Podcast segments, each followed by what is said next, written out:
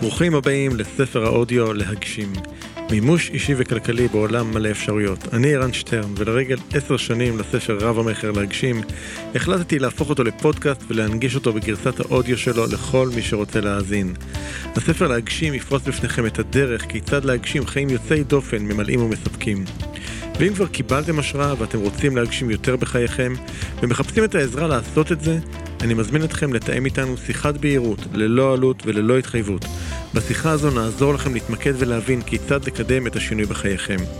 לתיאום השיחה ייכנסו לאתר www.ערנסטרן.co.il/doingchange אני אחזור שוב, ערנסטרן.co.il/doingchange האזנה נעימה.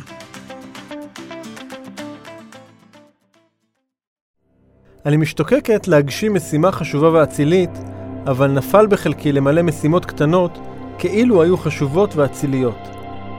הלן קלר פרק 11 כלים ליצירת הצלחה מתמשכת הלן קלר, סופרת ופעילה חברתית אמריקאית, הייתה חירשת ועיוורת מגיל שנה וחצי.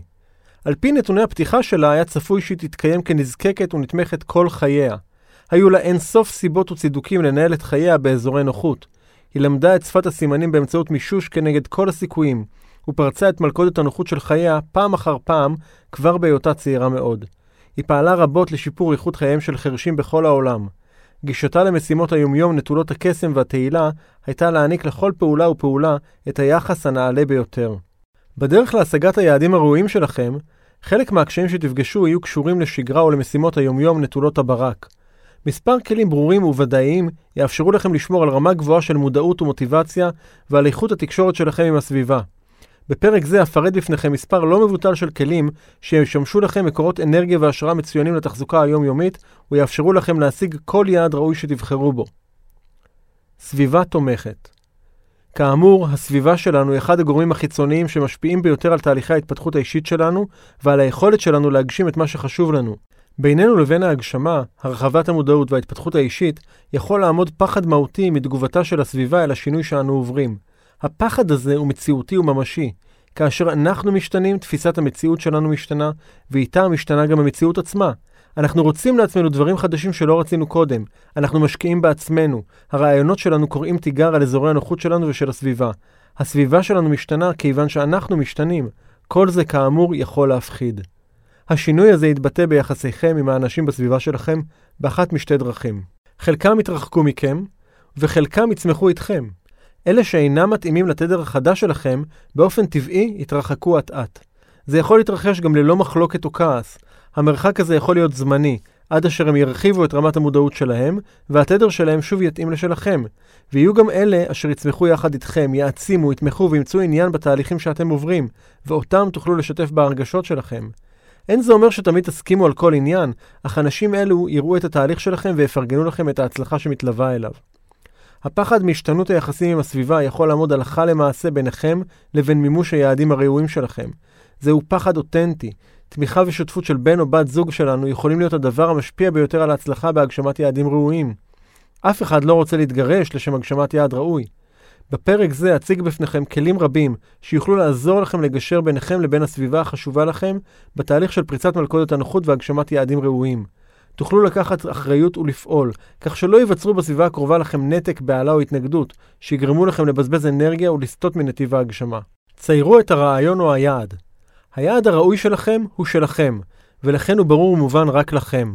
אתם יצרתם אותו, כתבתם את התיאור שלו ודמיינתם את חייכם ביום שהוא הוגשם. יש לכם תמונה ברורה של היעד הראוי שלכם.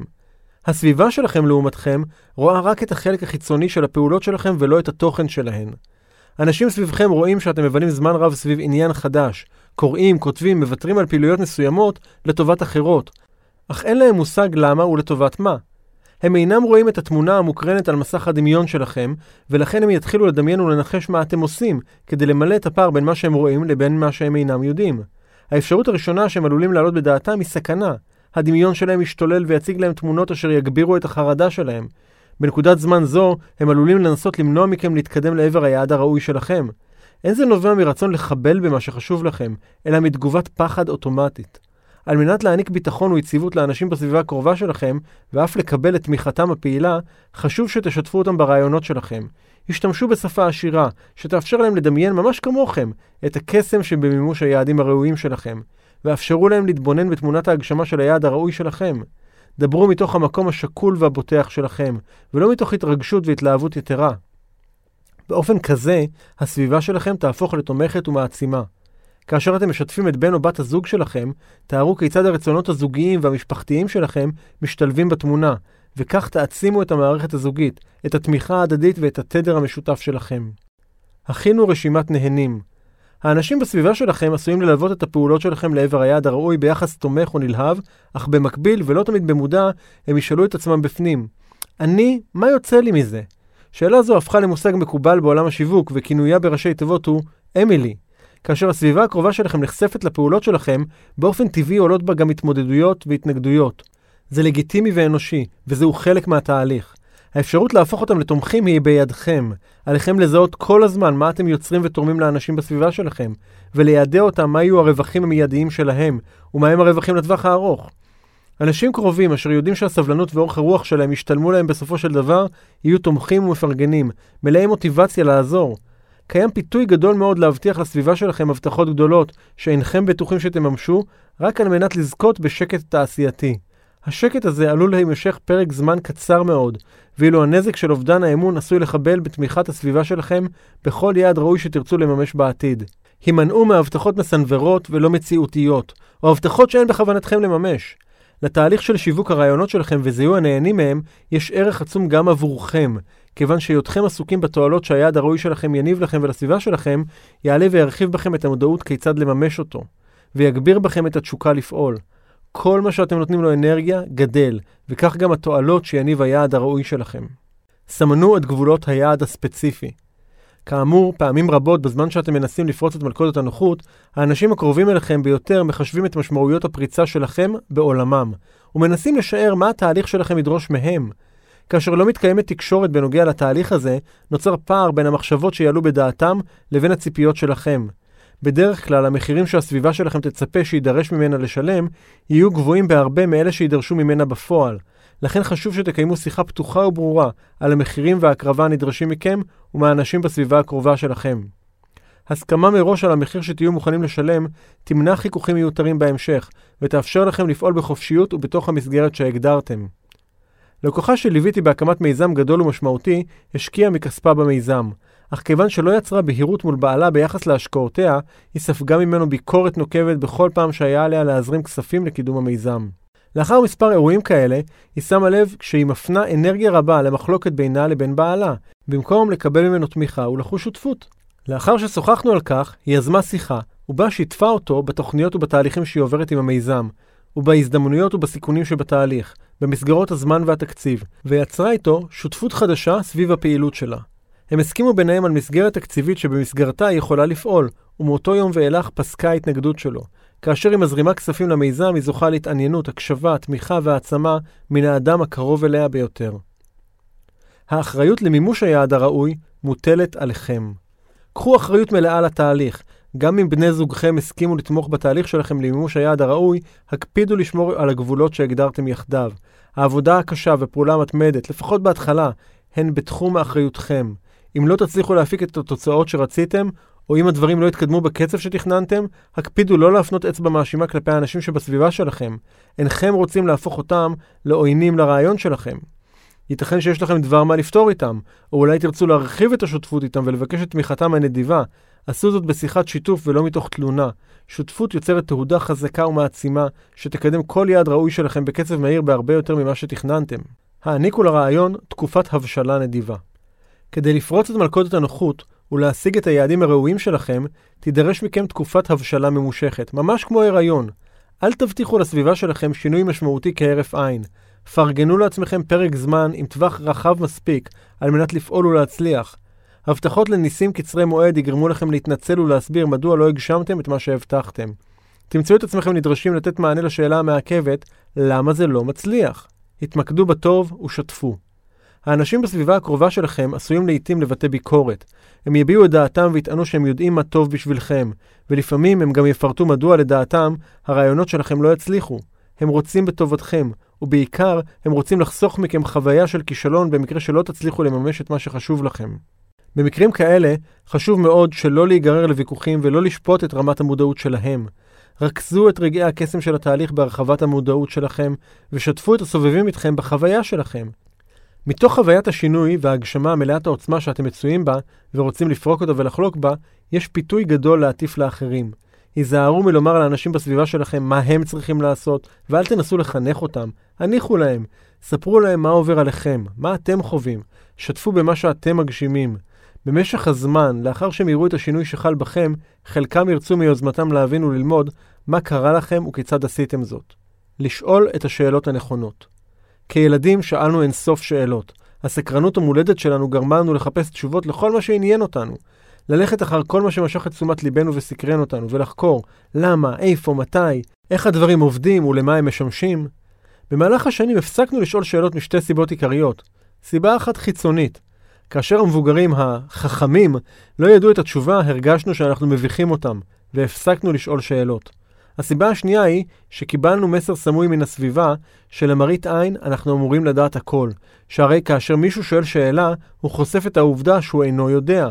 אז במקום לשאול ולהתעניין, התרגלנו לעשות פרצוף של מביני עניין, גם ביחס לדברים שלא הבנו. בקיצור, הצגת שאלות יכולה להביך אותנו או את הסביבה, או לחשוף את הבורות שלנו או של הסביבה, והמסקנה המתבקשת היא שמוטב לא לשאול. אך במסלול ההתפתחות אל היעד הראוי שלנו, נצטט את אלברט איינשטיין באומרו, הדבר החשוב ביותר הוא לא להפסיק לשאול. ידע חדש ותובנות חדשות הם תוצרים של סקרנות והתעניינות, ואחת הדרכים לקבל ידע חדש, כמו כל דבר שאנחנו מעוניינים לקבל בחיינו, היא לשאול ולבקש. אם לא נבקש, לא נקבל. כאשר אתם שואלים שאלות ומבקשים לדעת, אתם יוצרים עניין סביב מה שמעניין אתכם, ומעוררים את החשיבה שלכם ושל הסובבים אתכם. כשאתם שואלים שאלות שמקדמות את מה שחשוב לכם, אתם מזמנים לעצמכם תשובות מקדמות. למעשה, אנחנו מצויים בשיח פנימי כל הזמן, ושואלים את עצמנו שאלות ללא הרף.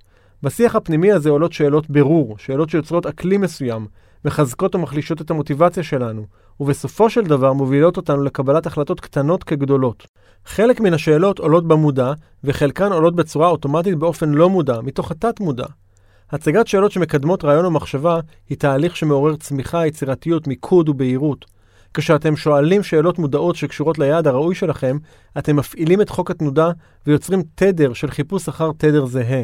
הדבר דומה לסיבוב הכפתור על סקלת התדרים שבמקלט הרדיו, עד שנגיע אל התדר הרצוי ונאזין לתחנה המועדפת עלינו.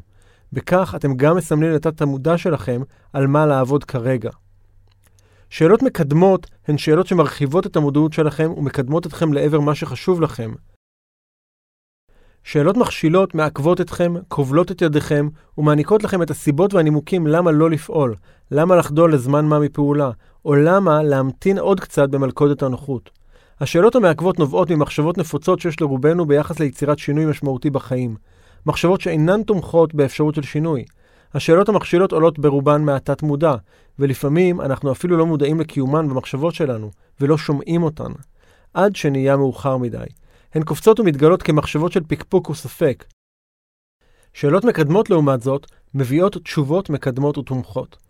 שאלות שיביאו את התשובות המקדמות ליעדים הראויים שלכם יופיעו רק כאשר תתבוננו ותבחינו בשאלות שעולות באופן אוטומטי, ותבחרו באופן מודע לשאול במקומן את השאלות המקדמות. לפניכם דוגמאות של שש שאלות מעכבות, ולאחריהן שש שאלות מקדמות. שאלות מכשילות. שאלה מכשילה מספר אחת. למה ממש לא כדאי להתקדם, לזוז, לפעול, לחלום, לחפש יעד ראוי? שאלות כמו למה לא כדאי לעשות דבר מה, יקבלו מענה עם כל ההסברים, הנימוקים והסכנות שמצדיקים הישארות במקום. אפשר למלא מחברת שלמה במהירות האור עם תשובות לשאלה הזו. בהיותה שאלה אוטומטית שעולה וצפה מן התת-מודע, לפני שתשימו לב, היא תביא לא מעט תשובות מנומקות שמבוססות על ניסיונות העבר ועל הכישלונות שלכם ושל דורי דורות לפניכם. בעקבות שאלה זו תעלה מסקנה אחת פשוטה, לא כדאי לפעול, לחלום, או אפילו להתקרב לכיוון יעד ראוי כלשהו. כאשר אתם מזהים שהוצפתם ברעיונות למה לא כדאי לעשות, עצרו ואמרו לעצמכם, אין זה משנה כמה סיבות יש למה לא, מספיקה לי סיבה אחת של למה כן, והסיבה היא, התשובה יכולה להיות פשוטה כמו כי זה חשוב לי, כי יש בכך ערך לבני האדם, כי זה מה שבחרתי לעשות. סיבה משמעותית אחת תספיק לכם, אני מבטיח. שאלה מכשילה מספר 2, מה יחשבו עליי? פעמים רבות אנחנו מוותרים על מה שחשוב לנו, ובלבד שלא ניחשף לביקורת. אנחנו עסוקים בלהסתיר את הפגמים האנושיים, חוששים לחשוף את החולשות שלנו, כמו גם את העוצמות שלנו. בכל מקרה, רבים מאיתנו מוותרים על החופש להיות מי שאנחנו. אנרגיה רבה מתבזבזת על מחשבות מסוג מה יחשבו עלינו ואיך אנחנו נראים. הן יכלו בקלות בלתי נסבלת את כל מה שתשקיעו בדרככם אל היעד הראוי. אם תיתנו מקום לשאלה מכשילה זו, היא תחסל את החלומות שלכם. זהו תגמול יעל לאמונה חסרת השחר, שאתם יכולים לקרוא מחשבות ויכולים לדעת מה האחרים חושבים עליכם, או אומרים עליכם מאחורי גבכם. יכול להיות שידברו עליכם ויכול להיות שלא. בכל מקרה, אינכם יכולים לדעת מה יגידו או יחשבו. אם תעשו בדיקה מעמיקה, על פי רוב תגלו שהאנשים בסביבה שלכם עסוקים בענייניהם, או טרודים במה שאתם אולי חושבים עליהם. דבר אחד ברור, כאשר אתם עסוקים במימוש היעדים הראויים שלכם, אתם מהווים מקור השראה עבורם. שאלה מכשילה מספר 3 מה יכול להיות הגרוע מכל? שאלה זו חושפת את הפחדים שמצויים בתת מודע.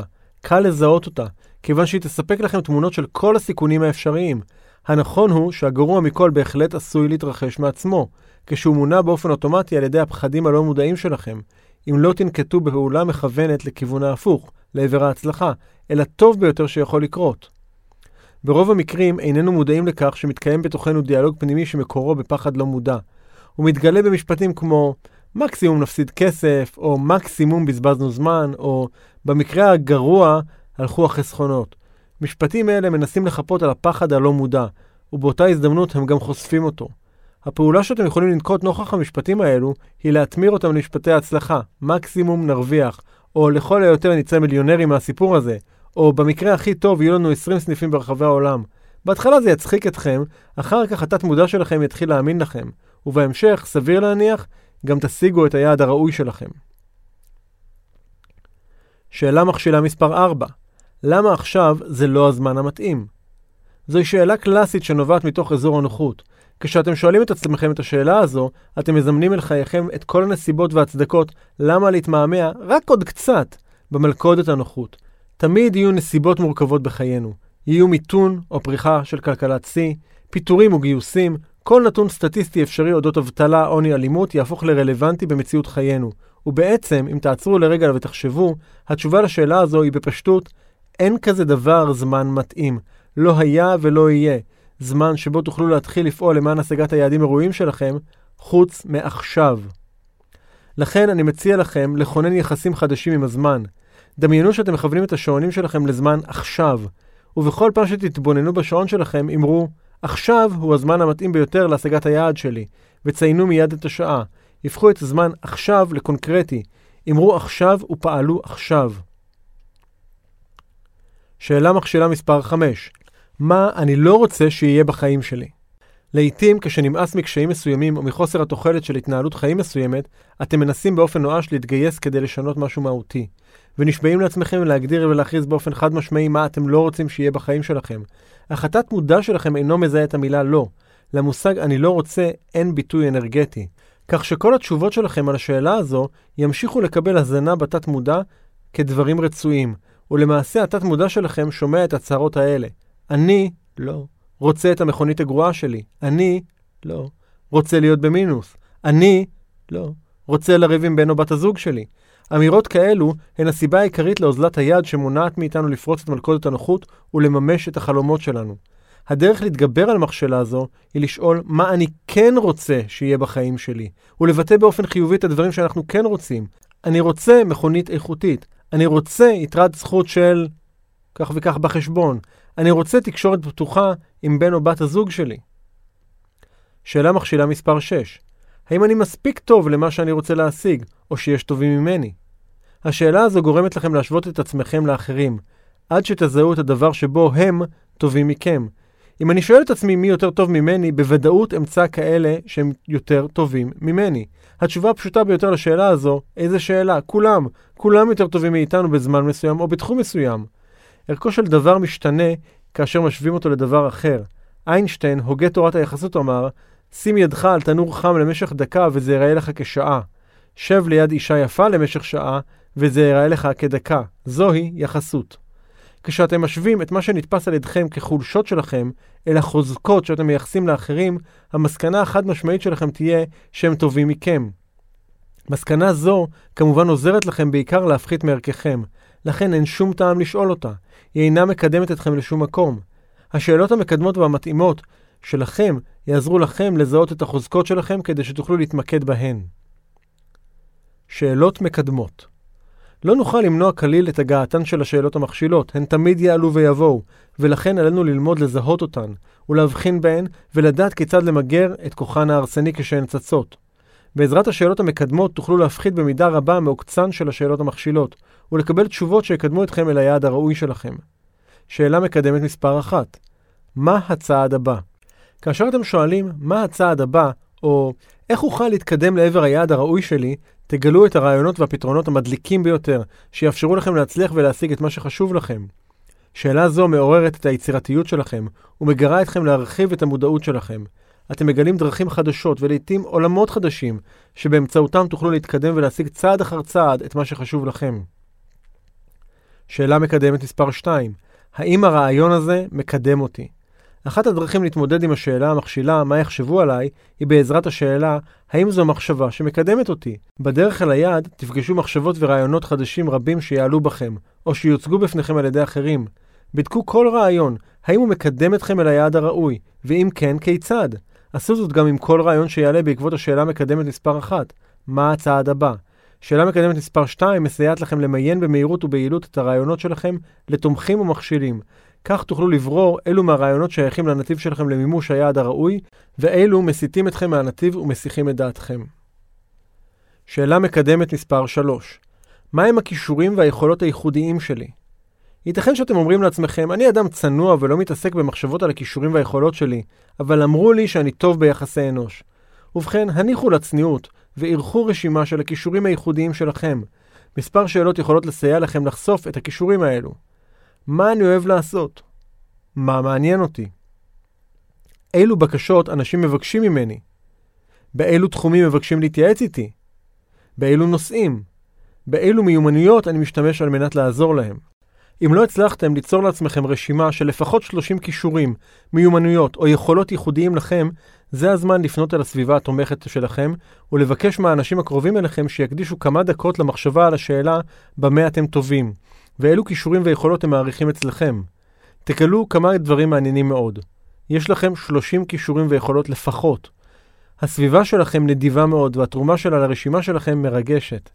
כיף להיות האדם הזה שיש לו את כל הכישורים הללו. הרשימה שלכם תיתן לכם תחושה של עוצמה וגאווה להיות מי שאתם. שאלה מקדמת מספר 4 מהם ההישגים וההצלחות שלי? רשימת הכישלונות, הטעויות והמעידות שלכם מתועדות ומנצחות היטב באופן אוטומטי בתת מודע. אתם רק חושבים על רעיון חדש והתת מודע מספק רשימה אינסופית של אכזבות ומפלות שספגתם בעבר. אך את ההצלחות שלכם אף אחד לא ינציח חוץ מכם. אם לא תפעלו באופן מודע ליצור את רשימת ההישגים וההצלחות שלכם, זה לא יקרה. התחילו את רשימת 30 הגדולים שלכם. הוסיפו כל הישג והצלחה שמימשתם, בכל פעם שאתם נזכרים בהם. רשימה זו תשמש לחיזוק הביטחון העצמי שלכם, ולהטמעת הרגלי חשיבה של הצלחה. ביצירת הרשימה הזו היו נדיבים עם עצמכם. הכניסו לרשימה כל הישג שהשגתם אי פעם בחייכם, ללא שיפוט אם הוא קטן או גדול. שאלה מקדמת מספר 5 איזה ערך אני יוצר עבור אחרים? לשאלה זו יש ערך עצום בדרכנו למימוש היעד הראוי. הערך שאנחנו יוצרים עבור הסביבה שלנו, למין הסביבה הקרובה ביותר ועד לרחוקה ביותר, מאפשר לנו להתקדם מיעד ראוי אחד למשנהו בהרמוניה.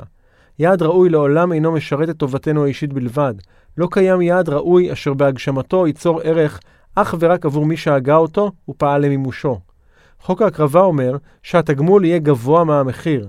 אחד הביטויים של התגמול הגבוה הוא התגמול החברתי, הסביבתי, שמצויים מעבר לטווח שאתם מסוגלים לתפוס.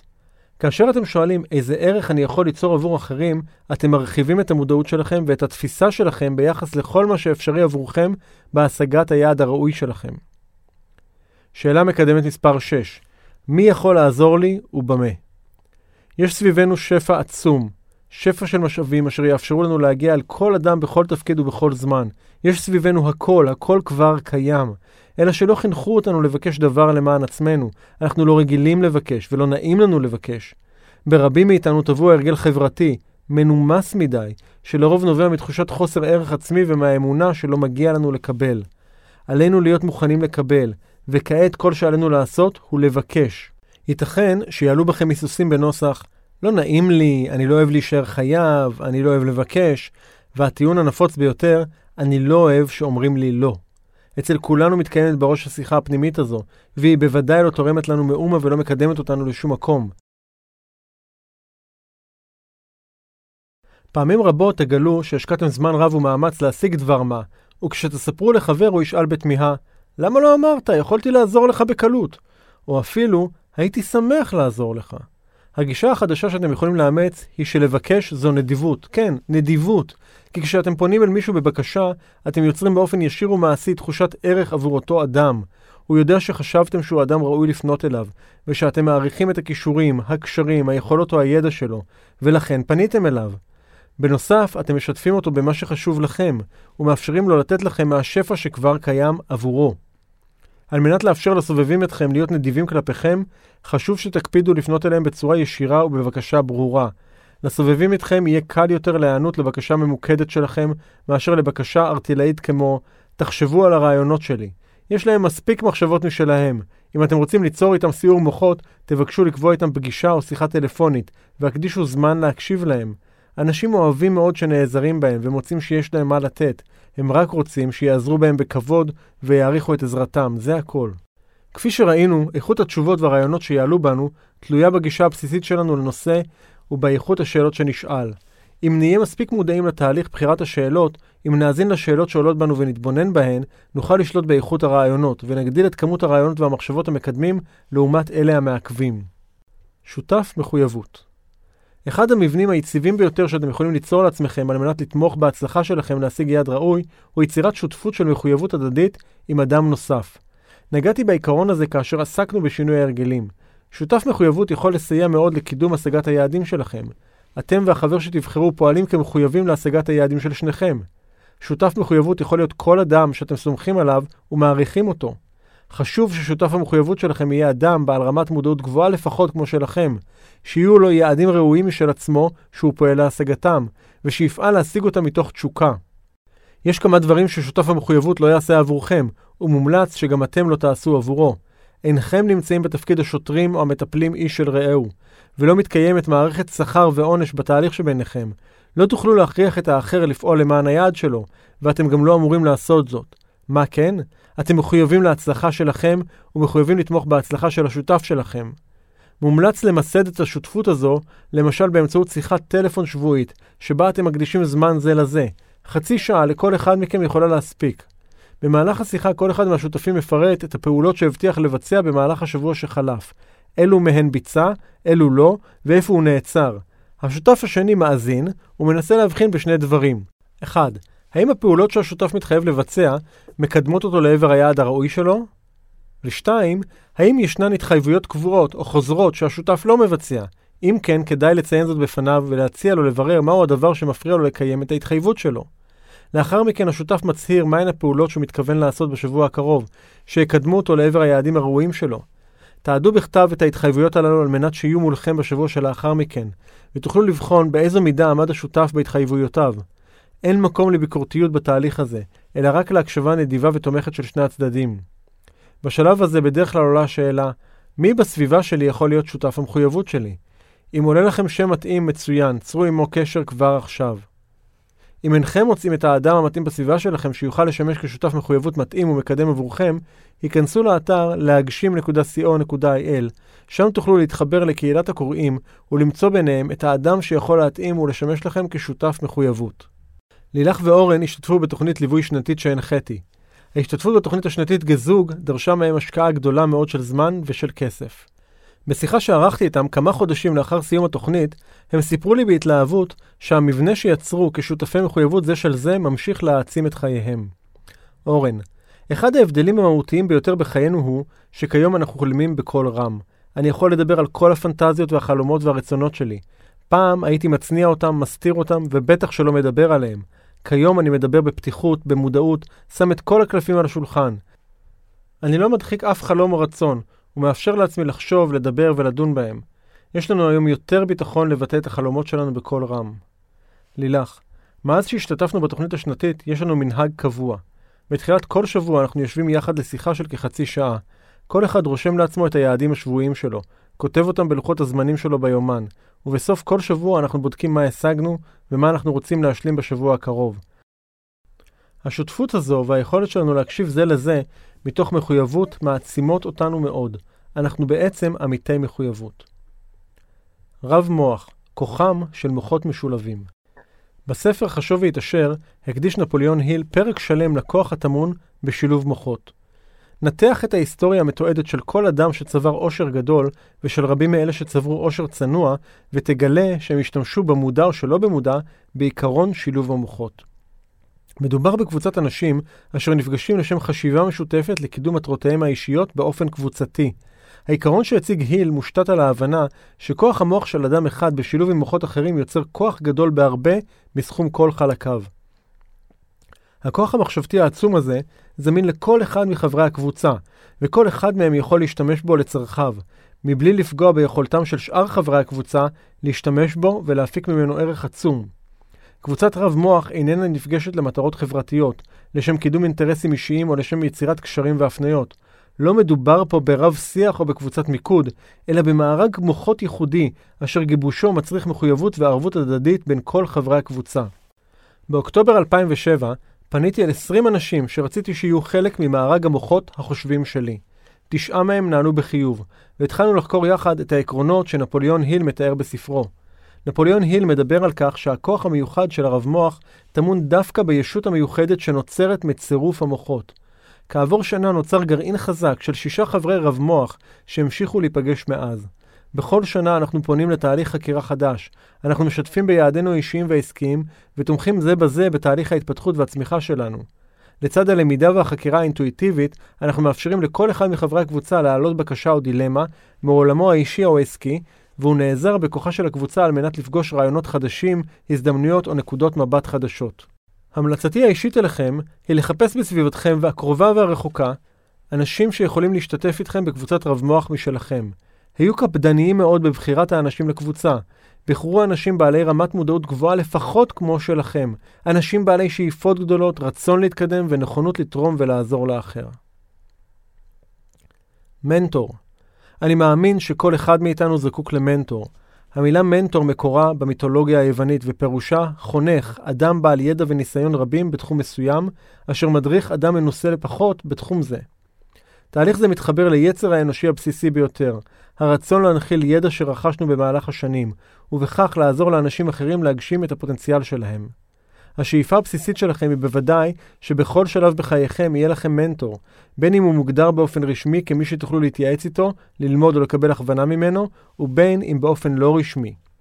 היתרון הגדול בקיומו של מנטור הוא חיסכון משמעותי בזמן, בכסף ובטעויות.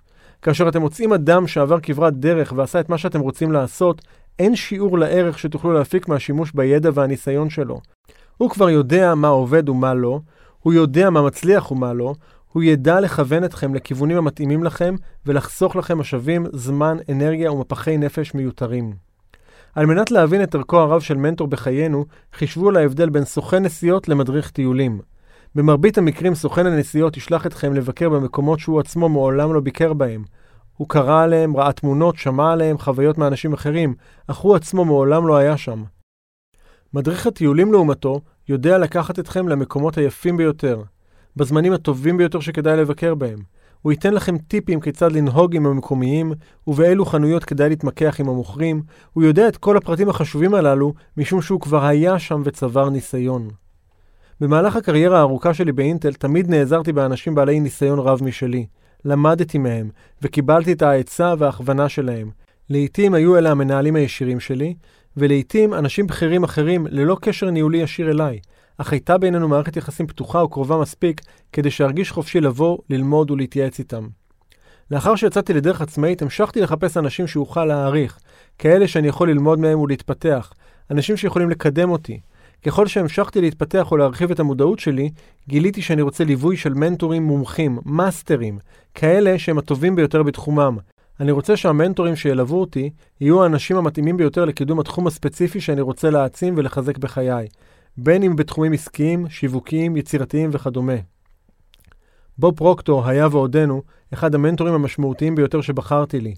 חפשו את המנטור שמתאים לכם, וצרו עמו מערכת יחסים מובנית, שבה אתם נפגשים מדי זמן מה ובוחנים את ההתקדמות שלכם. פעמים רבות אני נשאל כיצד אני בוחר את המנטורים שלי. התשובה תמיד זהה, אני הולך אל הטובים ביותר בתחומם. וכיצד אני יודע מי האנשים האלו? פשוט מאוד, אני בוחן את התוצאות שלהם. אם אני רואה שהם משיגים תוצאות שהייתי רוצה לראות בחיי, זה סימן שהם האנשים המתאימים עבורי. קבלו החלטות בהתאם לכך, ומתוך הקשבה לאינטואיציה שלכם. חיזוק המוטיבציה. מהי מוטיבציה? ההגדרה הפשוטה היא מכלול התהליכים המעוררים, המניעים, המכוונים והמשמרים את ההתנהגות האנושית לעבר השגת מטרות ויעדים מסוימים. המוטיבציה מניעה אותנו ונותנת לנו כוח ואנרגיה להשיג את הרצונות שלנו ולספק את הדחפים שלנו. ללא מוטיבציה אנחנו מועדים לחיים של בינוניות מלאי פשרות. המוטיבציה שלכם דורשת תחזוקה, ממש כמו תחומי חיים אחרים שאתם מתחזקים באופן שוטף. היגיינת הגוף שלכם, התזונה שלכם, מערכות היחסים שלכם. היעדר תחזוקה שוטפת ישפיע באיטיות על חייכם. תחזוקה שוטפת תשפיע על חייכם בכיוון ההפוך, הרחבת המודעות וצמיחה מתמדת. תארו לעצמכם כיצד חייכם היו נראים אם הייתם מקפידים לאכול רק פעם בחודש או פעם בשנה. כיצד היו נראות מערכות היחסים שלכם עם האנשים שאתם אוהבים אם הייתם אומרים להם שאתם אוהבים אותם רק פעם בשלוש שנים. כיצד הייתם נראים ומרגישים אם הייתם מתקלחים רק פעם בחמש שנים? לצערי, רבים חושבים שמוטיבציה זה משהו שקורה פעם אחת, או שיש כאלו שיש להם את זה וכאלו שלא. זו טעות. האנשים המצליחים ומעוררי ההשראה דואגים באופן מתמיד לשמר את רמת המוטיבציה שלהם ואף להעלות אותה, והיא משמשת עבורם כמנוע לפעולה ושומרת על אנרגיה גבוהה. זה הסוד שלהם. כיצד הם עושים זאת? הנה שלושה עקרונות שהם מקפידים עליהם. עקרון ההשריה. העיקרון פשוט, הם מקפידים להשרות את עצמם ממש כשם שמשרים קטניות, או שקיק תה בכוס, בתכנים שמעצימים אותם, מפתחים את החשיבה שלהם, מרחיבים את המודעות שלהם ומעצימים בהם את האנרגיה והמוטיבציה. תוכלו לזהות על מדף הספרים שלהם ספרי השראה, מוטיבציה ודחף, מגזינים מקצועיים ותוכניות שהם בוחרים להאזין להם. הם משתתפים באופן קבוע בהרצאות ובסדנאות שמעוררות בהם השראה. באופן דומה הם נמנעים מלהשרות את עצמם בתכנים שמדכאים אותם או מנמיכים את האנרגיה שלהם, כמו האזנה אובססיבית לחדשות כל שעה, צפייה מרובה וללא הבחנה בתוכניות טלוויזיה ורדיו, קריאה יומיומית של עיתוני חדשות, שיחות חולין עם אנשים שמתלוננים ומקטרים באופן שוטף. את יניב הכרתי הרבה אחרי שהוא הכיר אותי. יניב היה מאזין להרצאות וקטעי השמע שזמינים באתרי התוכן שלי באופן קבוע. יניב התעוור מעט לפני גיל 18. מאז הוא השלים תואר ראשון, תואר שני, התחתן והוא אב לילד. אחד הדברים שמעוררים בי השראה עצומה מאז שהכרתי את יניב, היא העובדה שהוא אינו מאפשר לסביבה להגדיר את ההתנהלות שלו כעיוור. יניב חי כאדם רואה שאיבד את ראייתו, ולא כעיוור. החברה ציפתה מיניב להיות עיוור, לחיות כעיוור, להתאמן בחדר כושר של עיוורים, ואפילו להתחתן עם בחורה עיוורת. ליניב היו תוכניות שונות לחלוטין.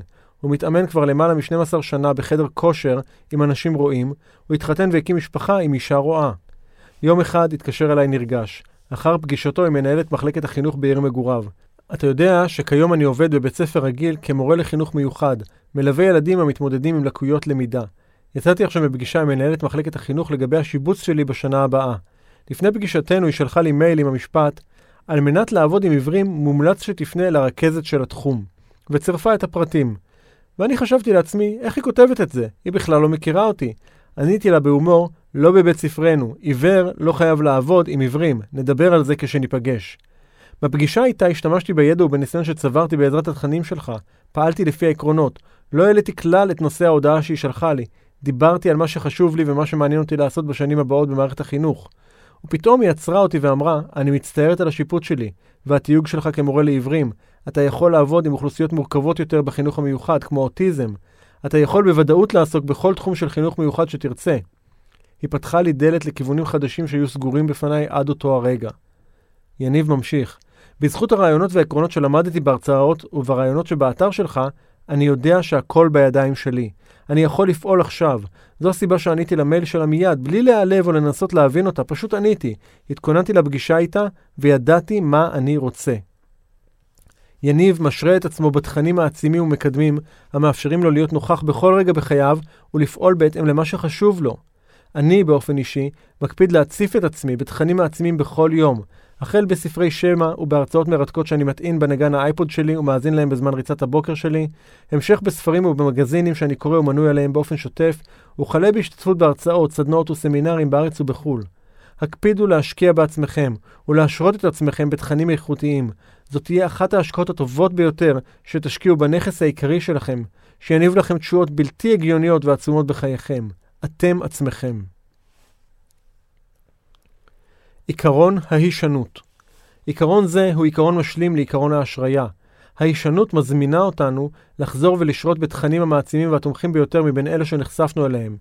היחשפות חזרתית אל תכנים מסוג זה תשנה את מערכת האמונות שלכם. אמונה היא בסך הכל מחשבה שחזרה על עצמה מספיק פעמים כדי לחלחל אל התת-מודע ולהפוך לאמת שלו. חזרתיות תפעל עבורכם בקלות ובמהירות יותר מכל אפשרות אחרת, כדי לייצר תפיסות חדשות אודות מה שאפשרי עבורכם. אני נחשף פעם אחר פעם אל התכנים שבהם אני משרה את עצמי. אני מקפיד לחזור ולהשרות את עצמי בתכנים שמעצימים אותי ומזינים את המוטיבציה שלי. לכן, אני גם ממליץ לכם לחזור ולהאזין לספר הזה, פעם או פעמיים נוספות, מתחילתו ועד סופו.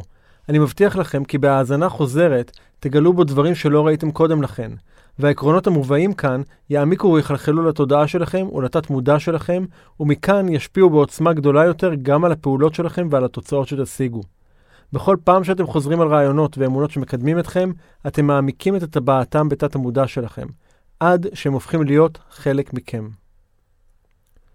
התבוננות וכתיבה בתהליך של השגת יעדים ראויים, שבו אנחנו מותחים את היכולות שלנו, יעלו בנו רגשות מכל הסוגים, שמחה, פחד, תסכול, התרגשות, קנאה, שנאה, אהבה.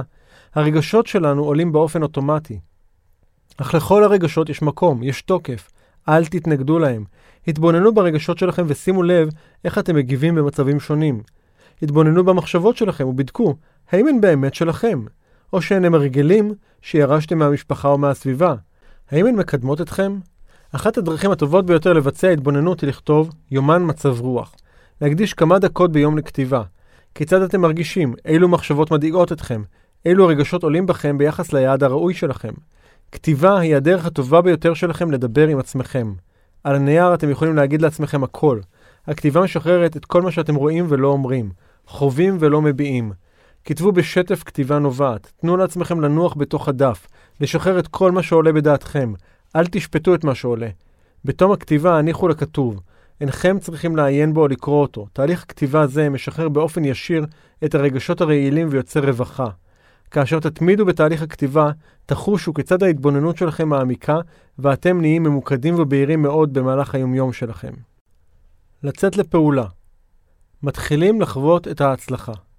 פתחו הרגל לשאול שאלות מקדמות, כאלה שהתשובה עליהן תקדם אתכם לכיוון היעד הראוי שלכם ותעצים אתכם לפעול.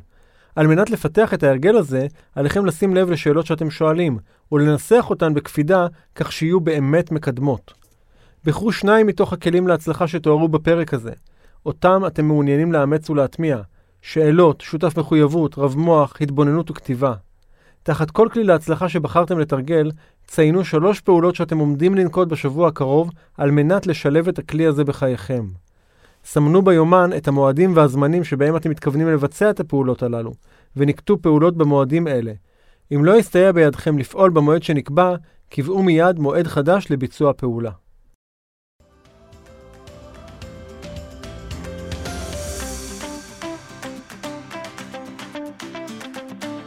זהו, כאן מסתיים הפרק הזה. אם אהבתם אותו, ודאו שאתם מדרגים את הפודקאסט ב iTunes, ספוטיפיי, Google Podcast, SoundCloud, יוטיוב או כל פלטפורמה אחרת שדרכה אתם מאזינים לנו כרגע. ומוזמנים גם לכתוב לי תגובות, מה אהבתם, כיצד אתם מיישמים את העקרונות שבספר, או כל הערה והערה אחרת שיש לכם. מוזמנים לשלוח אליי ישירות למייל, feedback at eranstern.co.il. וגם, אל תשאירו את כל הטוב הזה רק לעצמכם. בטוח שיש לכם חברים שרוצים גם הם להגשים. שתפו איתם את הפודקאסט הזה, שגם הם יוכלו ליהנות. ומילה אחרונה, אבל חשובה. אם קיבלתם השראה ואתם מרגישים את השינוי בוער בכם, החלטתם שאתם רוצים שינוי ואתם רוצים ומוכנים לעשות את מה שצריך ולא את מה שנוח כדי ליצור את השינוי הזה בחיים שלכם, אני מזמין אתכם לתאם איתנו שיחת בהירות, ללא עלות וללא התחייבות. בשיחה הזו נעזור לכם להתמקד ולהבין כיצד לקדם את השינוי בחיים שלכם. לתיאום השיחה ייכנסו לאתר www.ערנסטרן.co.il/doingchange. אני ערן שטרן, שמח שהאזנתם, ונתראה ונשתמע בפרק הבא.